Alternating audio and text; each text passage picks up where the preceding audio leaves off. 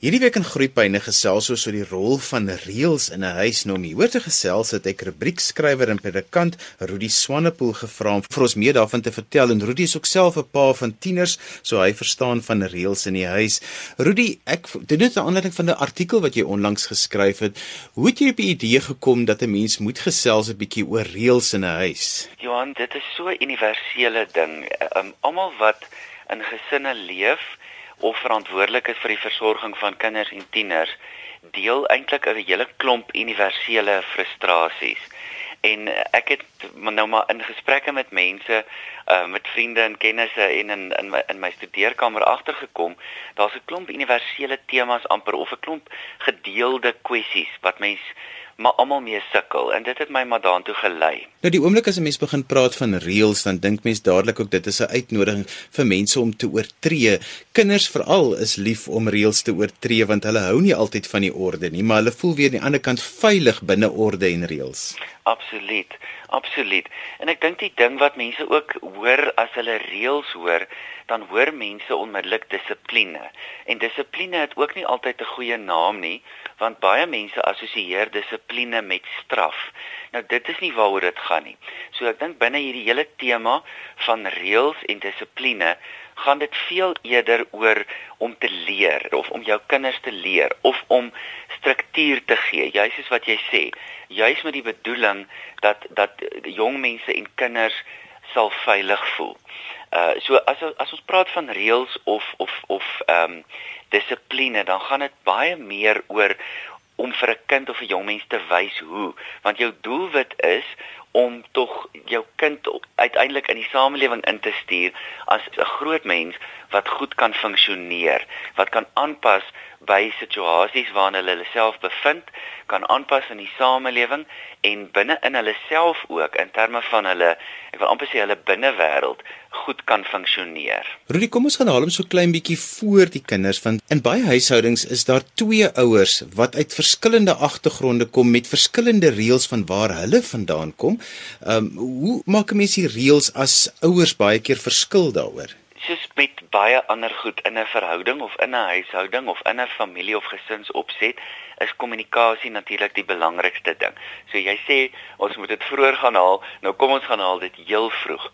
Ek sien baie keer vir paartjies uh met wie ek in gesprek is oor sê nou maar ehm um, hulle huweliksvoorbereiding of hulle beplande verbintenis met mekaar, dan sê ek altyd julle moet vreeslik seker maak dat julle praat oor hoe julle sou julle kinders hê hoe julle hierdie kinders gaan grootmaak. So dis 'n dis 'n kwessie van kommunikasie. Dis 'n kwessie van ek moet seker maak dat jy my storie ken, dat jy weet hoe my gesinsopset gelyk het toe ek gevorm geraak het. En dat mens dan so kommunikeer daaroor dat jy uiteindelik op die punt kan kom wat jy sê, okay, as ons saam ons um, ons kinders, die kinders wat aan ons toevertrou is, gaan begelei, dan gaan ons dit binne in hierdie en hierdie uh raamwerke doen. Geen twee mense wat saam verantwoordelik is vir vir vir die vorming of die grootmaak van kinders het presies dieselfde beskouing of uitkyk nie. 'n Mens kry dit ook nie reg om so te kommunikeer dat jy dieselfde beskouing uiteindelik het nie. Maar wat jy wel kan doen is om te sê vir ons as gesin of vir ons as familie is hierdie twee of drie goed ononderhandelbaar. So baie mense dink as ons nie 'n lys van 20 goed kan maak nie of as ons nie presies kan ooreenstem nie, dan gee ons sommer op, dan gooi ons handdoek in. Maar dis nie waaroor dit gaan nie. Die mens bespreek jou reëls, jou struktuur, die noem dit nou maar dissipline wat wat jy graag wil hê in jou gesin en dan sê jy ons vereenvoudig dit na twee of drie groot goed en dan poog beide partye as daar twee versorgers of ouers is dan poog beide om binne daai raamwerk redelik getrou te bly aan dit wat ooreengekom is want 'n mens se ouerskapstyl is baie keer in reaksie op dit wat jy as 'n kind beleef het by die ouers wat vir jou grootgemaak het. Partykeer is dit 'n positiewe reaksie, partykeer is dit 'n negatiewe reaksie en baie keer kompenseer mense dan heeltemal na die ander kant toe juis in reaksie op daardie ouerskapstyl wat hulle hulle lewe aan blootgestel was. Dit is absoluut so. So kom ons kom ons wees prakties. Kom ons gebruik 'n voorbeeld of twee. As mens in 'n huis groot geword het waar daar betreklik min dissipline was of min orde was, dan reageer jy miskien daarteen deur te sê nee, maar by my gaan dit nou anders werk. Ek gaan verskriklike streng reëls hê en ek gaan baie eintlik onbuigsaam wees wat 'n klomp van die struktuur in my huis betref en in die proses ehm um, soos jy sê, oorkompenseer mens dalk en dan hel jy weer oor na die kant toe waar dinge miskien te rigied is en en te nou geset is. Maar dit is juis hoekom 'n mens ek wil ek wil nou maar amper sê ehm um, gemeenskap nodig het. Jy het die gemeenskap nodig van indien daar iemand is wat saam met jou verantwoordelik is vir die grootmaak van die kinders, daai persoon of dit jou eggenoot is, eh, dan is dit hy of sy uh, dan het 'n mens nodig om met ander mense in kontak te wees. En dis baie keer waar die waarde van 'n skoolgemeenskap of selfs 'n kerkgemeenskap, uh, mens kan nie daai waarde genoeg beklemtoon nie. So in gesprek met ander mense kom jy baie vinnig agter hoe ander mense dit doen en as jy aandagtig ek wil amper sê aandagtig lewe en jy sê vir jouself maar op watter maniere ehm um, moet ek insig kry in my eie gedrag of my eie styl as jy daai proses vir jouself ek wil amper sê gun, dan kan jy besef waar jy dalk oorkompenseer of dalk balans verloor het, want ons almal doen dit. Ons almal is geneig om balans te verloor of 'n gebalanseerde perspektief op struktuur en reëls en dissipline te verloor. Maar in gesprek met ander mense, in gesprek met mense van jou portuïergroep, sê net maar jy het in jou laat 20s of jou vroeë 30s of wanneer jy ook al kinders het, dan is daar mense met wie jy kan assosieer en met wie jy kan tyd spandeer om by hulle te hoor maar wat is die goed wat vir hulle moeilik is. So in gemeenskap kry 'n mens baie keer waardevolle inligting of waardevolle terugvoering oor jou styl. Maar dit is nie maklik nie, want mens gaan nie rondloop by 'n kinderpartytjie en vir ander ouers vra, luister maar, dink jy nou ek is te streng of dink jy ehm um, dink jy ek is nie streng genoeg nie of wat ook al. Mens gaan nie dit doen nie, maar jy gaan miskien vir 2 of 3 van jou goeie vriende of mense wat jy vertrou of familielede selfs, gaan jy sê, weet jy wat? Ek vertrou jou genoeg. Gee asseblief vir my terugvoering. Hoe dink jy? Wees wees gaaf met my, maar wees ook eerlik met my. Hoe dink jy vaar ek met die gee van struktuur of leiding of reëls of of my toepassing van reëls of of my dissipline. En in sulke gesprekke kan 'n mens regtig partykeer leer. Ek dink ook as 'n mens bietjie soek in jou gemeenskap of in jou dorp, dan is daar 'n kans dat jy dalk 'n groep gaan kry wat reeds bestaan wat juis in 'n ouer leiding uh ek wil amper sê tipe formaat bymekaar kom en hierdie tipe inligting met mekaar uitruil. Rudy, wat is die verband tussen reëls in 'n huis en die stel van grense? Wel, daar's 'n duidelike verband, daar's 'n duidelike ek wil amper sê 'n leerervaring wat daarmee saamgaan goed soos sê nou maar ons sê in ons huis of sê nou maar 'n luisteraar sê in hulle huis is dit 'n reël uh dat daar nie na 7 in die aand op enige toestel of skerm gewerk mag word nie. Dan lyk dit na iets ehm um, wat 'n vorm van orde skep of 'n uh, jy weet sekere gedrag voorkom of wat ook al. Maar in die proses van daai reël maak, stel 'n mens die grens van nee die die die nee is uh nee, jy kan nie na 7 in die aand op jou foon of op jou iPad of op jou rekenaar nou verder speel of werk nie. So die die die ding is nee. Jy kan voor 7 ja, na 7 in die aand nee. Nou daai nee is 'n belangrike nee. Daai is nie 'n wrede nee nie. Daai is 'n nee wat vir 'n mens leer waar die grens is, waar die perk is. En baie mense sal vir jou sê dat 'n kind wat gewoond is aan 'n nee of gewoond is aan daai reël of daai grens, word 'n groot mens wat vir hom of haarself kan nee sê. En ons almal weet dat nee is 'n belangrike ding. Ja, is net so belangrik. Ons praat ons, ons eh, die die die die kwessie hier is ook dat as ons nou oor reëls praat, dan klink dit dalk asof ons net oor die negatiewe praat of ons net oor die nee praat. Maar daai nee is nie net 'n negatiewe nee nie. Dis 'n positiewe nee. Want as ek later in my lewe uh myself moet bestuur en daar's nie 'n ouer of 'n groot mens wat oor my skouer loer nie of my dophou of my check nie dan is ek mos nou op myself aangewese. Dan moet ek darm 'n innerlike stem hê wat vir my sê, die grens is nou hier. Ek kan hierdie ding beproef tot op 'n punt en dan moet daar 'n nee wees. En daai afsnytyd wat die reël sê, kom ons gaan terug na die 7 uur reël.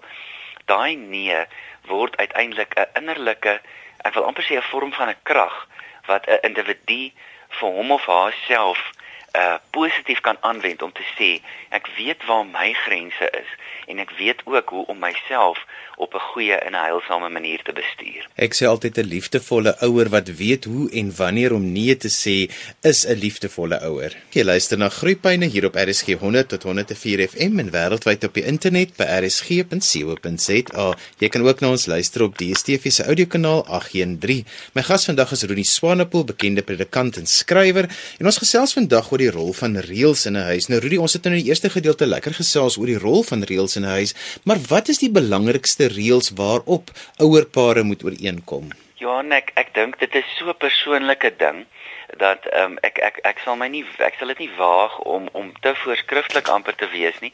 Ek dink dis iets wat in 'n huis onderhandel word. Ek dink dit is weer 'n uitvloeisel van kommunikasie. Maar ek sou dink daar daar's 'n paar goeters daar's so twee of drie goed wat miskien ek wil amper sê rowwe merkers amper kan wees wat wat wat gesinne kan help. Ek dink die eerste ding in in ons tyd het miskien baie met die met die skerms te maak, die toestelle wat ons het. Ek het nou die dag hier ek moes iets gaan doen het uh, by 'n by 'n selfoonwinkel. Toe kom ek agter genade. Ek het nie ek het nie eens besef uh jy weet hoe baie van die goed is daar jy weet in die omtrek uh en wat in 'n mens se huis is en rond lê en jou aandag amper vereis nie. So ek dink rondom dit, ek ek hoor dit ook gereeld by mense, rondom dit is daar miskien 'n groot uitdaging. So ek sou ek sou dink dat 'n mens um, rondom die skerms 'n reël maak wat sê wanneer ons byvoorbeeld eet, etenstyd, hoe lank dit ook al is, uh mens sou hoop dat dit so lank as moontlik kan wees wat mense daai tyd by die tafel spandeer. Etenstyd by 'n tafel. Ja, kom kom ek begin 'n stapie vroeër voor die skerms. Ek dink mense moet by 'n tafel eet. Ek dink dit is amper ononderhandelbaar um, om by 'n tafel as gesinslede of al is mens net 2, al is mens 3 mense in jou gesin, sit by die tafel saam in die kombuis, in die eetkamer, ehm um, selfs al moet dit dan in 'n TV-kamer wees, maar met die TV af. So, eet by die tafel saam en en maak die reël dat by die tafel tydens etenstyd is daar nie 'n skerm nie. Nou ek weet ek ek sê dit gereeld en ek ek ek ek voel dit aan my eie lyf vir ouers ehm um, wat e-posse moet antwoord of vir werk beskikbaar moet wees selfs in etenstye is dit dalk nie altyd so maklik nie want ons het almal ons word almal amper bedreig deur die die dringende oproep of die dringende e-pos wat ons aandag vereis. Maar ek dink dit moet ononderhandelbaar wees. Tafeltyd is heilige tyd. Tafeltyd is tyd wanneer daar nie 'n skerm naby is nie en mens kom ooreen. Ek wil net ook sê oor die tafel. Dit het verskriklike groot waarde om so te sit dat mens vir mekaar kan kyk want by eh, tafeltyd gaan nie net daaroor om sonder ehm um, afleiding te te eet nie of in stilte te eet nie. Tafeltyd is kommunikasietyd, dis kommunikeertyd. Dit is tyd wat mense mekaar in die oë kan kyk. Jy moet mekaar kan sien. Ehm um, ek weet nie of uh, baie mense het seker al die ervaring gehad dat hulle vir een of ander rede so sit dat hulle tydens ete mekaar nie kan sien nie. Nou na rukkie pla dit jou as jy as jy jou medetafelgenote nie kan sien nie. Jy moet mekaar in die oë kan kyk. Ek dink die ander ding wat prakties nogal goed kan werk, uh want die ander kwessie wat in huishoudings gereeld pla is die hele kwessie van netheid. Ek het nog van baie min tieners uh se ouers gehoor wat uh mekaar in die oggend by die parkeerterrein raakloop en en spog oor hoe goed, jy weet Jannie of Sunny uh jy weet met hulle met hulle kamers se netheid is of hoe netjies hulle is. Tieners uh, kan vreeslik uh, de mekaar wees in hulle kamers. So rondom netheid in die huis kan 'n mens die reël maak of die dis nie 'n reël nie. Dis meer 'n amper 'n lewensgewoonte. As jy iets gebruik, sit dit terug. Nou ons ons dit gebeur met meeste mense. Jy kom in die TV-kamer en daar staan 'n papbakkie van die oggend, 'n koffiebeker, ehm um, jy weet 'n teelepel lê op die grond. Nou dit is dis dis klein goedjies wat groot irritasies word. So die reël of die struktuur is as jy iets gebruik het, sit dit terug. Uh daai paphouer, die papboks of wat ook al wat uit die kas uit gehaal word, kom in die gewoonte om dit terug te sit. Maar nou moet ons as ouers erken dat ons self nie altyd 'n goeie voorbeeld stel nie. Dit dit beteken dat ouers of versorgers voor in die koor moet wees met die voorbeeld. En dit help ons ook, dit help almal in die huis. Want die ander irritasie wat ons baie keer ervaar in ons in in, in die huise nê, is as iets weg is. Waar is die sellotape? Waar is die skêr? En uiteindelik gee dit 'n groot soektog af waar as jy die skêr gebruik het en jy sit dit dadelik terug of dit is die reël of die gewoonte dan sny mens baie van daai frustrasie uit. En dit is ook waaroor dit gaan. Dit gaan nie altyd net oor grense of oor dissipline nie. Dit gaan ook daaroor om die lewe vir mekaar ook makliker te maak. Rudy dan die ander die reël wat 'n mens dalk ook moet in die huis inbring is is die ding van hoeveel keer moet 'n mens nou oor dieselfde goed praat? Presies. Nou eh, dit is weer 'n dis weer 'n kwessie van konsekwentheid. As en en hierdie begin op 'n jong ouderdom.